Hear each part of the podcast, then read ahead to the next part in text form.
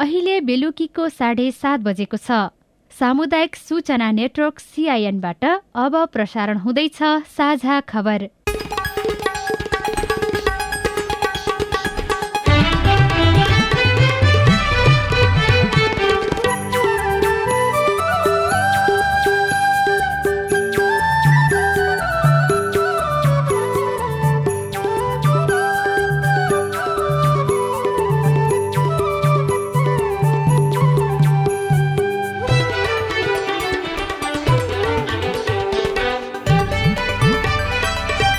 सिआइएनको साझा खबरबाट लील प्रकाश चन्दको नमस्कार। साझा खबर देशभरिका सामुदायिक radio CIN Khabar dot com र मोबाइल एप सिआइएनमा पनि सुन्न सकिन्छ।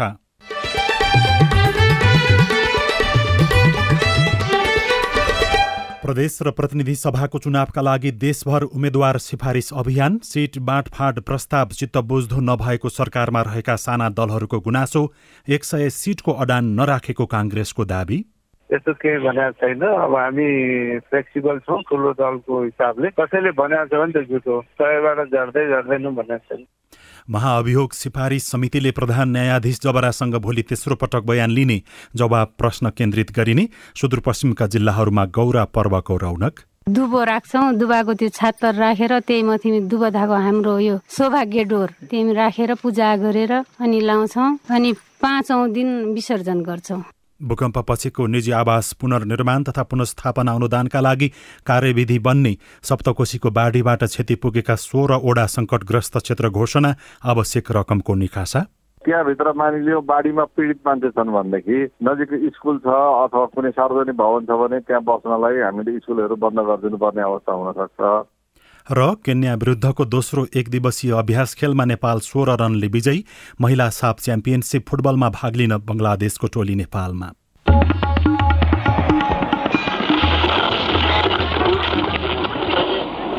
रेडियो। हजारौं रेडियो कर्मी र करोडौं नेपालीको माझमा यो हो सामुदायिक सूचना नेटवर्क सिआइएन प्रदेश र सङ्घको निर्वाचनको मिति घोषणासँगै मन्त्रीहरूबीच जिल्ला दौडाहामा जाने सकभर सभा समारोह गर्ने नभए उद्घाटन शिलान्यासमा भाग लिने प्रतिस्पर्धा जस्तै चलेको छ। सरकारी सुविधा लिएर दलको चुनावी अभियान चलाउन पाइँदैन। प्रधानमन्त्री मन्त्री विभिन्न आयोगका प्रमुख र पदाधिकारीले चुनावका बेलामा पदीय दुरुपयोग नगरून् भनेर निर्वाचन आयोग पनि चनाखो बन्नुपर्छ। अनावश्यक खर्च गरेर नेता ओसार्ने अभियान सुशासनका लागि पनि राम्रो होइन। अब खबर रिसालबाट राजनीतिक दलहरू आगामी निर्वाचनको उम्मेद्वार टुङ्गो लगाउने कसरतमा जुटेका छन्। सत्ता गठबन्धन तथा प्रतिपक्षी दल र अन्य दलहरू पनि आगामी मङ्सिरमा हुने प्रदेश तथा प्रतिनिधि सभा निर्वाचनको लागि प्रत्यक्ष र समानुपातिक तर्फको उम्मेद्वारको सूची टुङ्गो लगाउन व्यस्त छन्। प्रत्यक्षतर्फको उम्मेद्वार सिफारिस हुने क्रम अहिले चलिरहेको छ। सँगसँगै राजनैतिक दलहरूले समानुपातिक तर्फको उम्मेद्वारको सूची पनि तयार पारिरहेका छन्। निर्वाचन आयोगले असोज दुई र तीन गते समानुपातिक तर्फको उम्मेद्वारको बन्द सूची पेश गरिसक्न भनेको छ। सोही अनुसार दलहरू सूची टुङ्ग्याउन लागेका हुन् तर सत्ता गठबन्धनमा सिट बाँडफाँडको टुङ्गो भने लागेको छैन। आगामी निर्वाचनको लागि कुन दलले कति संख्या सिट पाउने भन्ने टुङ्गो लगाउन शीर्ष नेताहरू केही दिनदेखि निरन्तर छलफलमा जुटेका छन् तर पनि सिटको भागभन्डा मिलिरहेको छैन। गठबन्धनभित्रका दलहरूले निर्वाचन क्षेत्रका उम्मेद्वारहरू सिफारिस गर्ने क्रम चलिरहेको अवस्थामा भागभन्डा नै नटुङ्गिएपछि गठबन्धनमा तनाव देखिएको छ।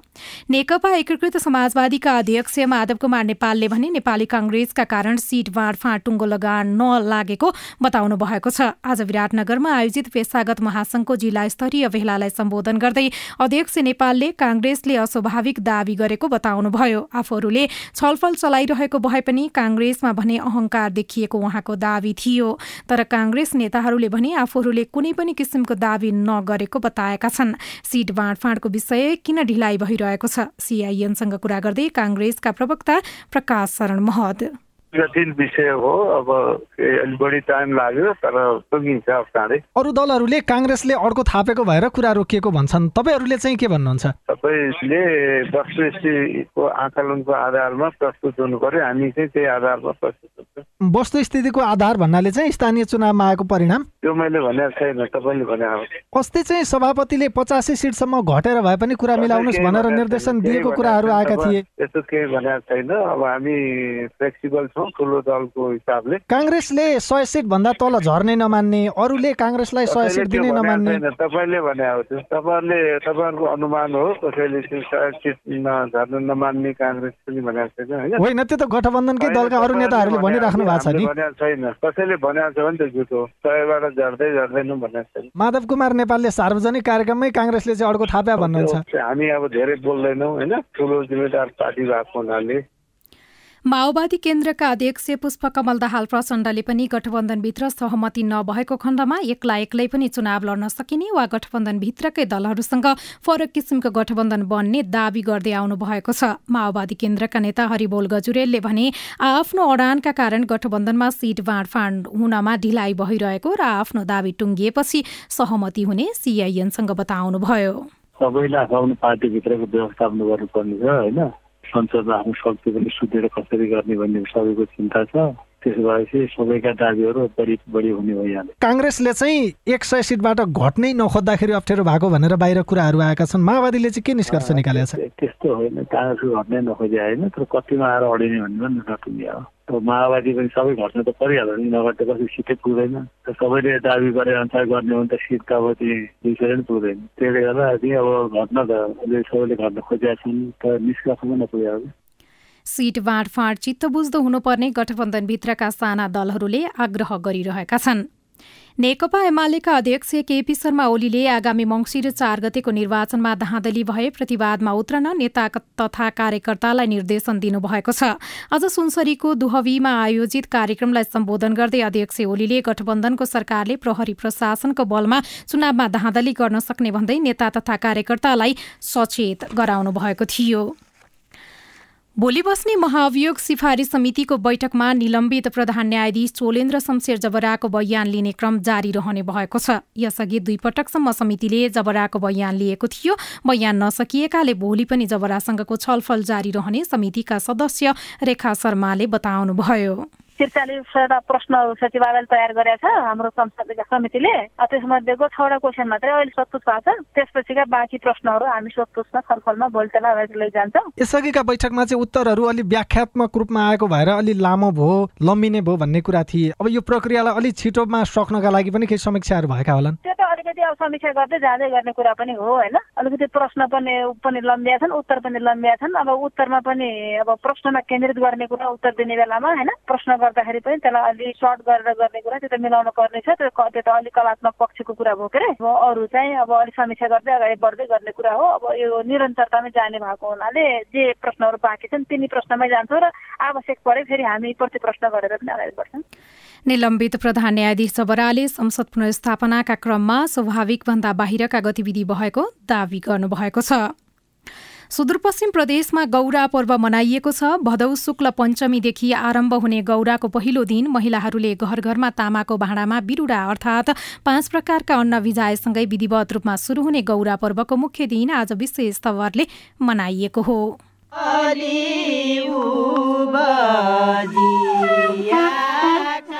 महिलाहरूले मागल गाउँदै गौरा भित्र्याउने चलन रहेको छ।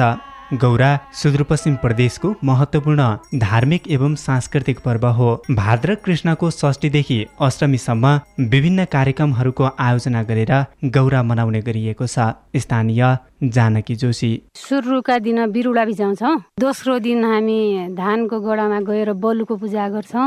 तेस्रो दिन हामी गौरा ल्याउन जान्छौँ। गाउँ गाउँ घुमाउँछौँ पूजा गर्छौँ। अनि साँझ गौरा घरभित्र राखेर त्यहीको पूजा गर्ने बिहा गर्ने। चौथो दिन पनि हामी दुबो राख्छौँ। दुबाको त्यो छातर राखेर त्यही माथि दुबो धागो हाम्रो यो सौभाग्य डोर त्यही राखेर पूजा गरेर अनि लाउँछौँ। अनि पाँचौँ दिन विसर्जन गर्छौँ। आजको दिन गौराको पूजाआजा गर्ने चलन रहेको छ भने नाचगान गर्ने तथा जात्रा पनि लाग्ने गरेको छ। गौरा पर्वले मानिसमा धार्मिक आस्था आपसी सद्भाव बढाउन मद्दत पुर्याउने मात्र नभई व्रत बसी शिव र गौरीको पूजाआजा गर्नाले सुख शान्ति प्राप्त हुने इष्ट र कुलदेवता प्रसन्न हुने जनविश्वास छ।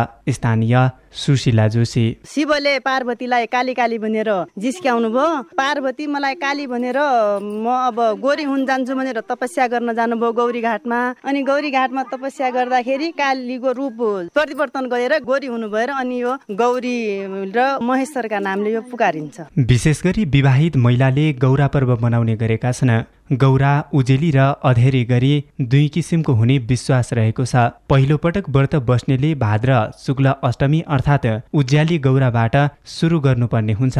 सुदूरको मौलिक संस्कृति झल्कने गौरा पर्व भारतको उत्तराखण्डको कुमाउँ गढवालमा समेत मनाउने चलन छ। लोक भाषामा देउडा चैत धमारी आदि खेल खेलेर आनन्द तरिकाले मनाइने यो पर्व पछिल्लो समय आधुनिकतासँगै हराउन थालेको बताउनुहुन्छ स्थानीय रम्भा जोशी। देवीलाई पुज्नुपर्छ देवी पुजेपछि राम्रो हुन्छ भन्थे। आजभोलि त्यो देवी पनि कहाँ छ?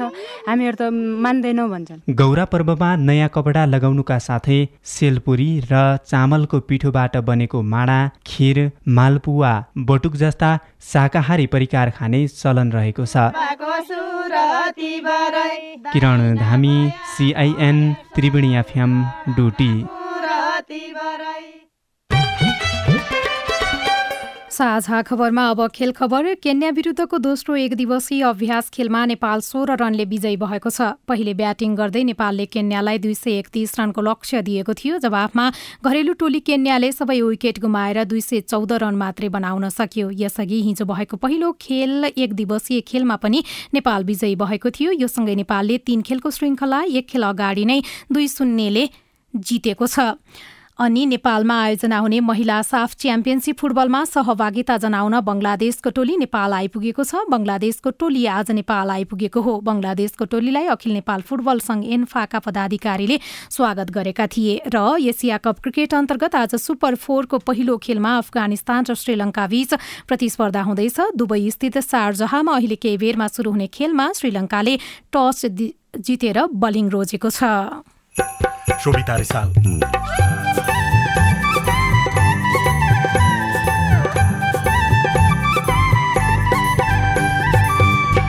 मासिक चार हजार भत्ता पाएपछि ज्येष्ठ नागरिक खुसी? सरकारले भत्ता दिन्छ अब हामी कमजोरी गरिब मान्छे हौँ।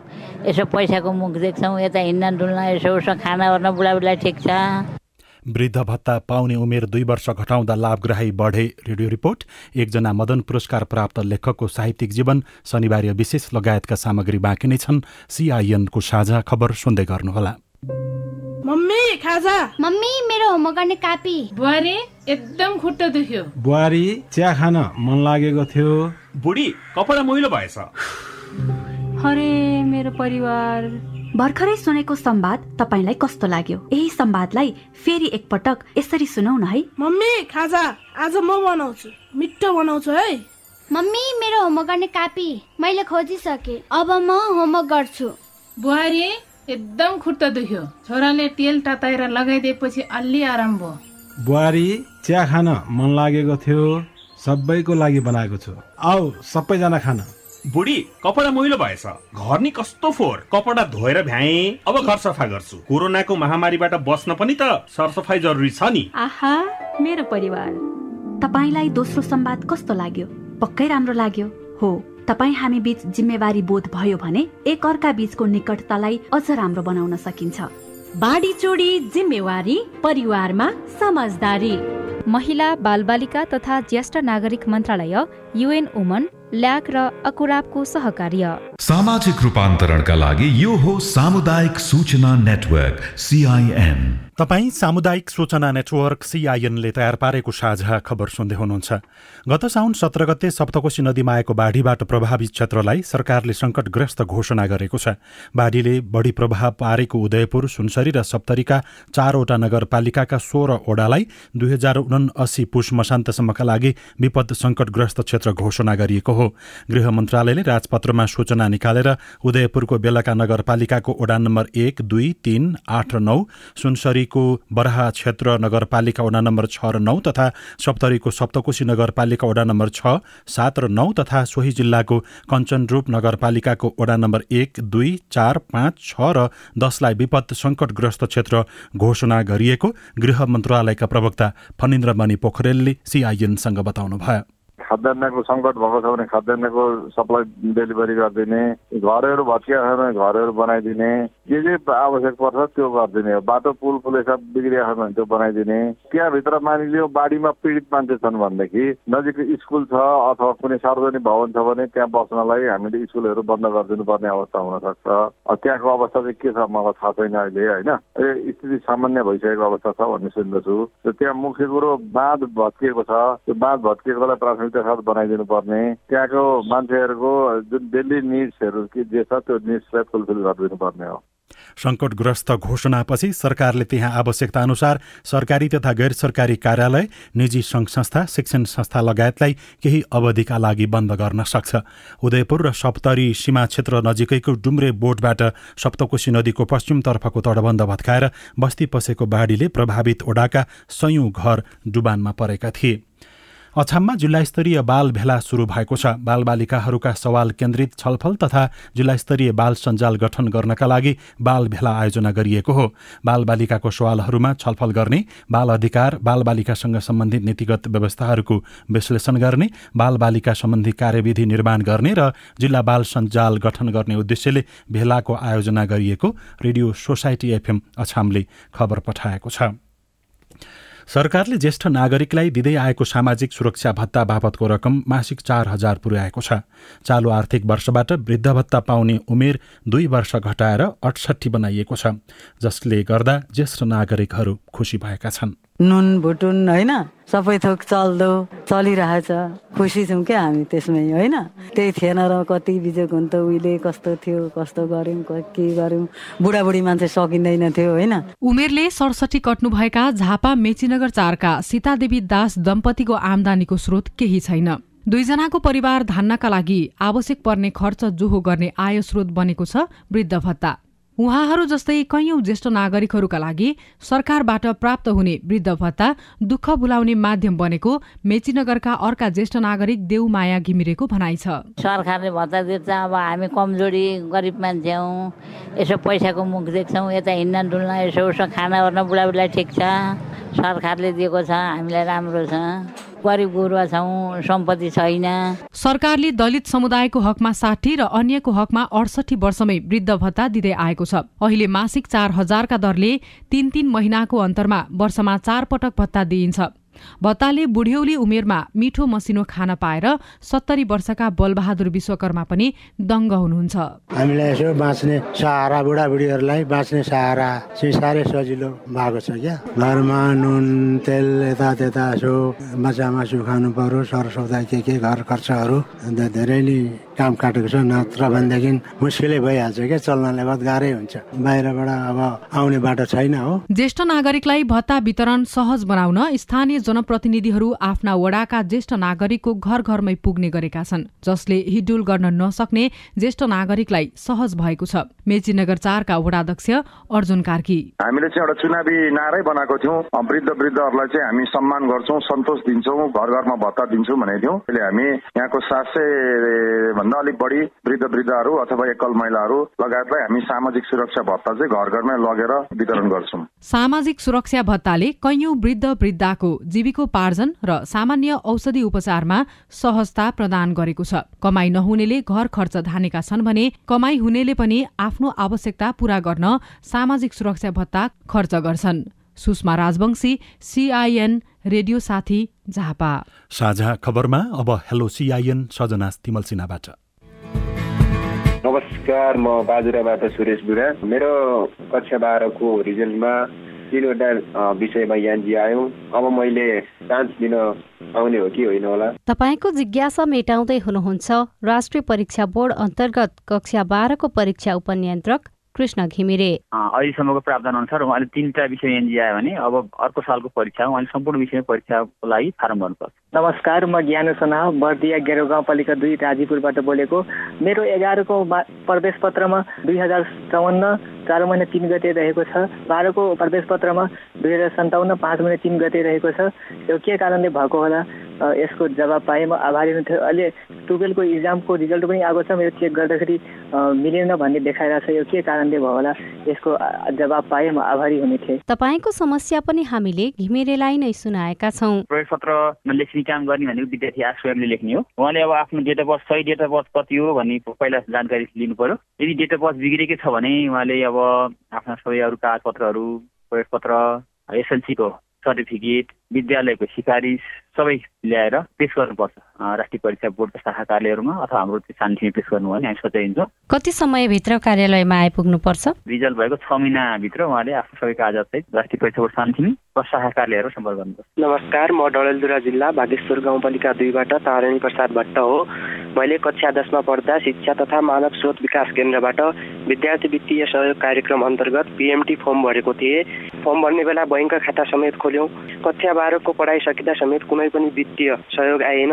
के यो हामी जस्ता गरिबहरूको लागि होइन। जवाफ दिँदै हुनुहुन्छ शिक्षा तथा मानव स्रोत विकास केन्द्रका प्रवक्ता दिल्लीराम लुइटेल। खाता खोलेको छ भने छनौट भएको छ। छनौट भएको विद्यार्थीहरूको नाम नामेसी सहित चाहिँ स्थानीय तहमा पैसा पठाइदिएको छ। त्यो स्थानीय तहले उहाँहरूको खातामा पैसा हालिदिनु पर्ने किन हाल्दैन त्यो एकपल्ट स्थानीय तहसँग बुझ्न पर्छ तपाईँ जुनसुकै बेला हाम्रो टेलिफोन नम्बर शून्य एक बाहन्न साठी छ चार छमा फोन गरेर आफ्नो प्रश्न जिज्ञासा गुनासा अनि समस्या रेकर्ड गर्न सक्नुहुनेछ।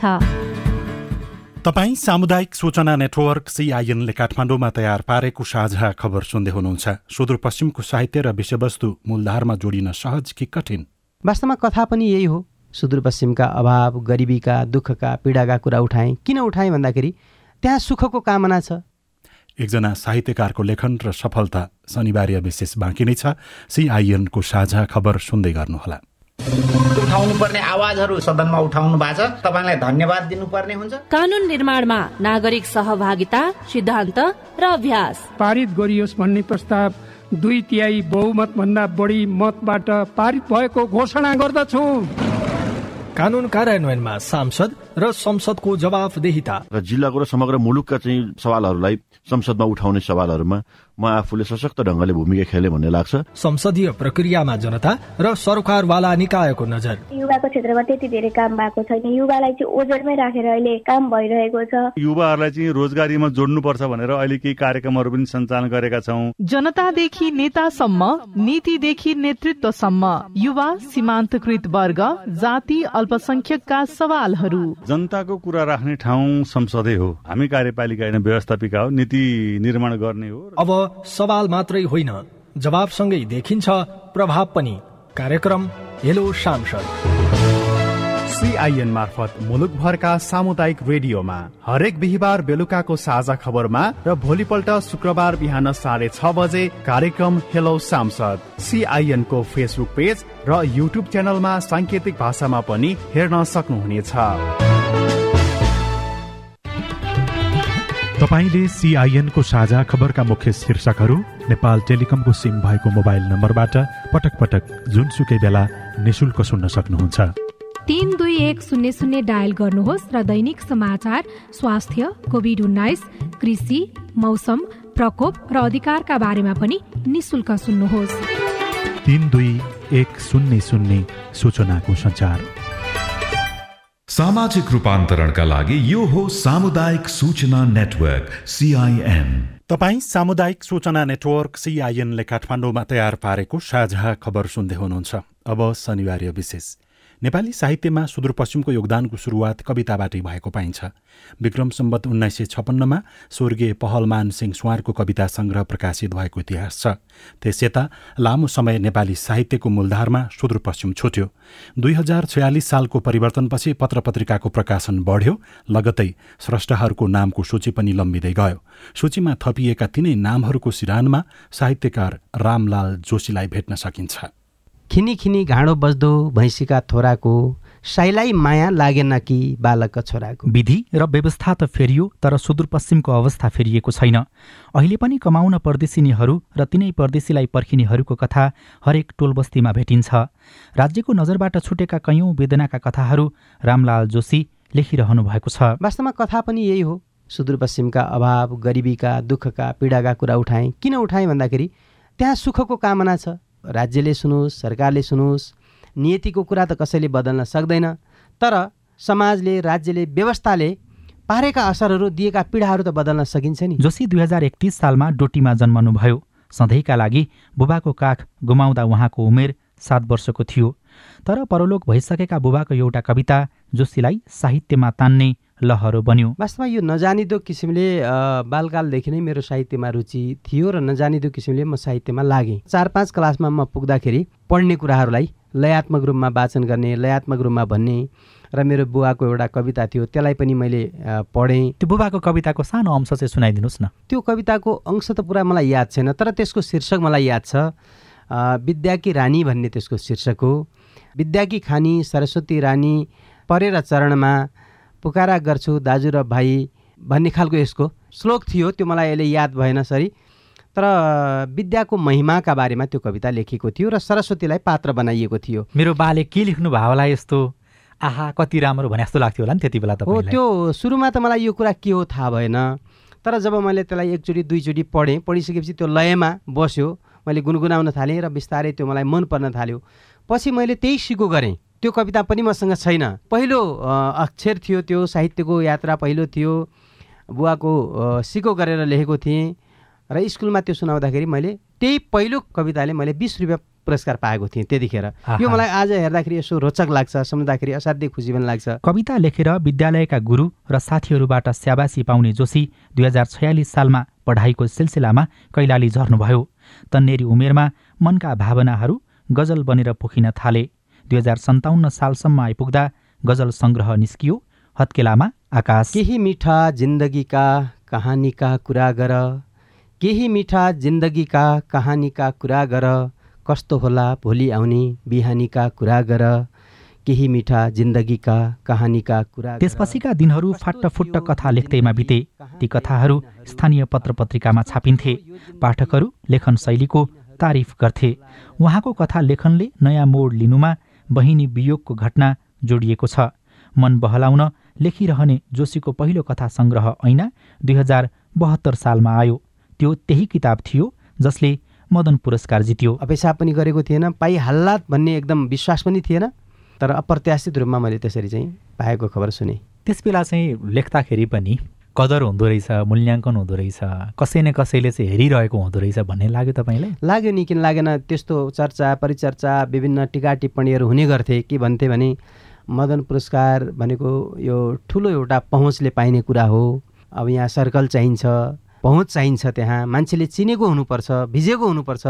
काठमाडौँको ठुलो जमातसँग मिडियासँग ठुला लेखकहरूसँग सम्बन्ध भएको हुनुपर्छ भन्ने अनेक टिका टिप्पणी हुन्थे। एउटा किनारमा बसे पनि राम्रो आवाज बोल्यो भने कोइलीको आवाज त जसले पनि सुन्छ भन्ने मलाई अनुभूति भयो र मदन पुरस्कार प्राप्त गर्दाखेरि त त्यो अनुभूतिले मलाई के लाग्यो भने केही मान्छेहरूले हेरि पनि रहेका हुँदो रहेछन् कहीँ न कहीँ त्यस्तो ठाउँ हुँदो रहेछ जहाँ संस्थाको साहित्यको राम्रो कामको मूल्याङ्कन चाहिँ हुँदो रहेछ भन्ने महसुस भयो। जोशीलाई ऐनाले लेखकका रूपमा दरिलो परिचय दियो अनि लेखिरहने हुटुटी पनि जगायो। लेखेरै गुजारा चलाउन सकिने सङ्केत पाएपछि बाह्र वर्षदेखि गर्दै आएको अध्यापन छोड्नुभयो र लेख्न थाल्नुभयो।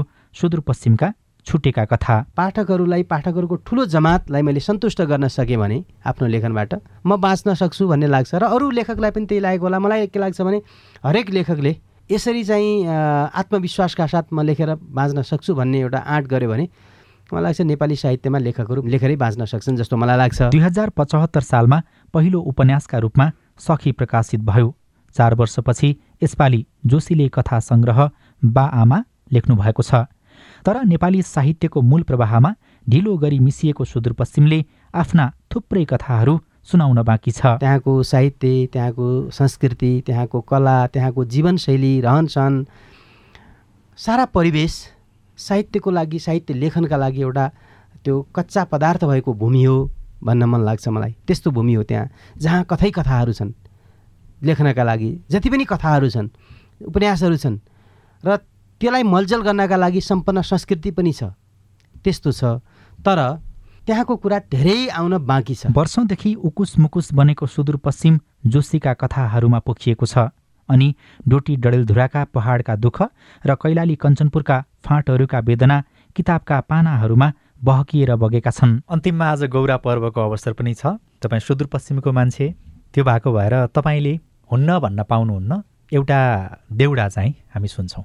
डोटी राम्रो डणेलदुरा अछाम राम्रो साँफे मलाई पनि उडाइ लैजा हिउँचुलु ग्या डाँफे। राजन रुचाल सिआइएन काठमाडौँ। प्रदेश र प्रतिनिधि सभाको चुनावका लागि देशभर उम्मेद्वार सिफारिस गर्ने अभियान चलेको छ। सिट बाँडफाँड चित्त बुझ्दो प्रस्ताव नभएको सरकारमा रहेका दलहरूको गुनासो छ तर एक सय सिटको अडान नराखेको नेपाली काङ्ग्रेसले दावी गरेको छ। महाभियोग सिफारिस समितिले प्रधान न्यायाधीश जबरासँग भोलि तेस्रो पटक बयान लिने तयारी गरेको छ जवाब प्रश्न केन्द्रित गर्ने भनेर सदस्यहरूले बताएका छन्। सुदूरपश्चिमका जिल्लाहरूमा आज गौरा पर्व मनाइएको छ। भूकम्पपछिको निजी आवास पुनर्निर्माण तथा पुनस्थापना अनुदानका लागि कार्यविधि विधि बनाउनको लागि सहमति दिइएको छ। सप्तकोशीको बाढीबाट क्षति पुगेका सोह्रवटा सङ्कटग्रस्त क्षेत्र घोषणा गरिएको छ अनि केन्या विरुद्धको दोस्रो एक दिवसीय अभ्यास खेलमा नेपाल सोह्र रनले विजयी भएको छ। हवस् त आजलाई साझा खबरको समय सकियो। प्राविधिक साथी सुरेन्द्र सिंहलाई धन्यवाद। भोलि भदौ उन्नाइस गति बिहान छ बजेको साझा खबरमा फेरि भेटौँला। अहिलेलाई लिल प्रकाश चन्द पनि बिदा हुन्छु। नमस्कार शुभरात्री।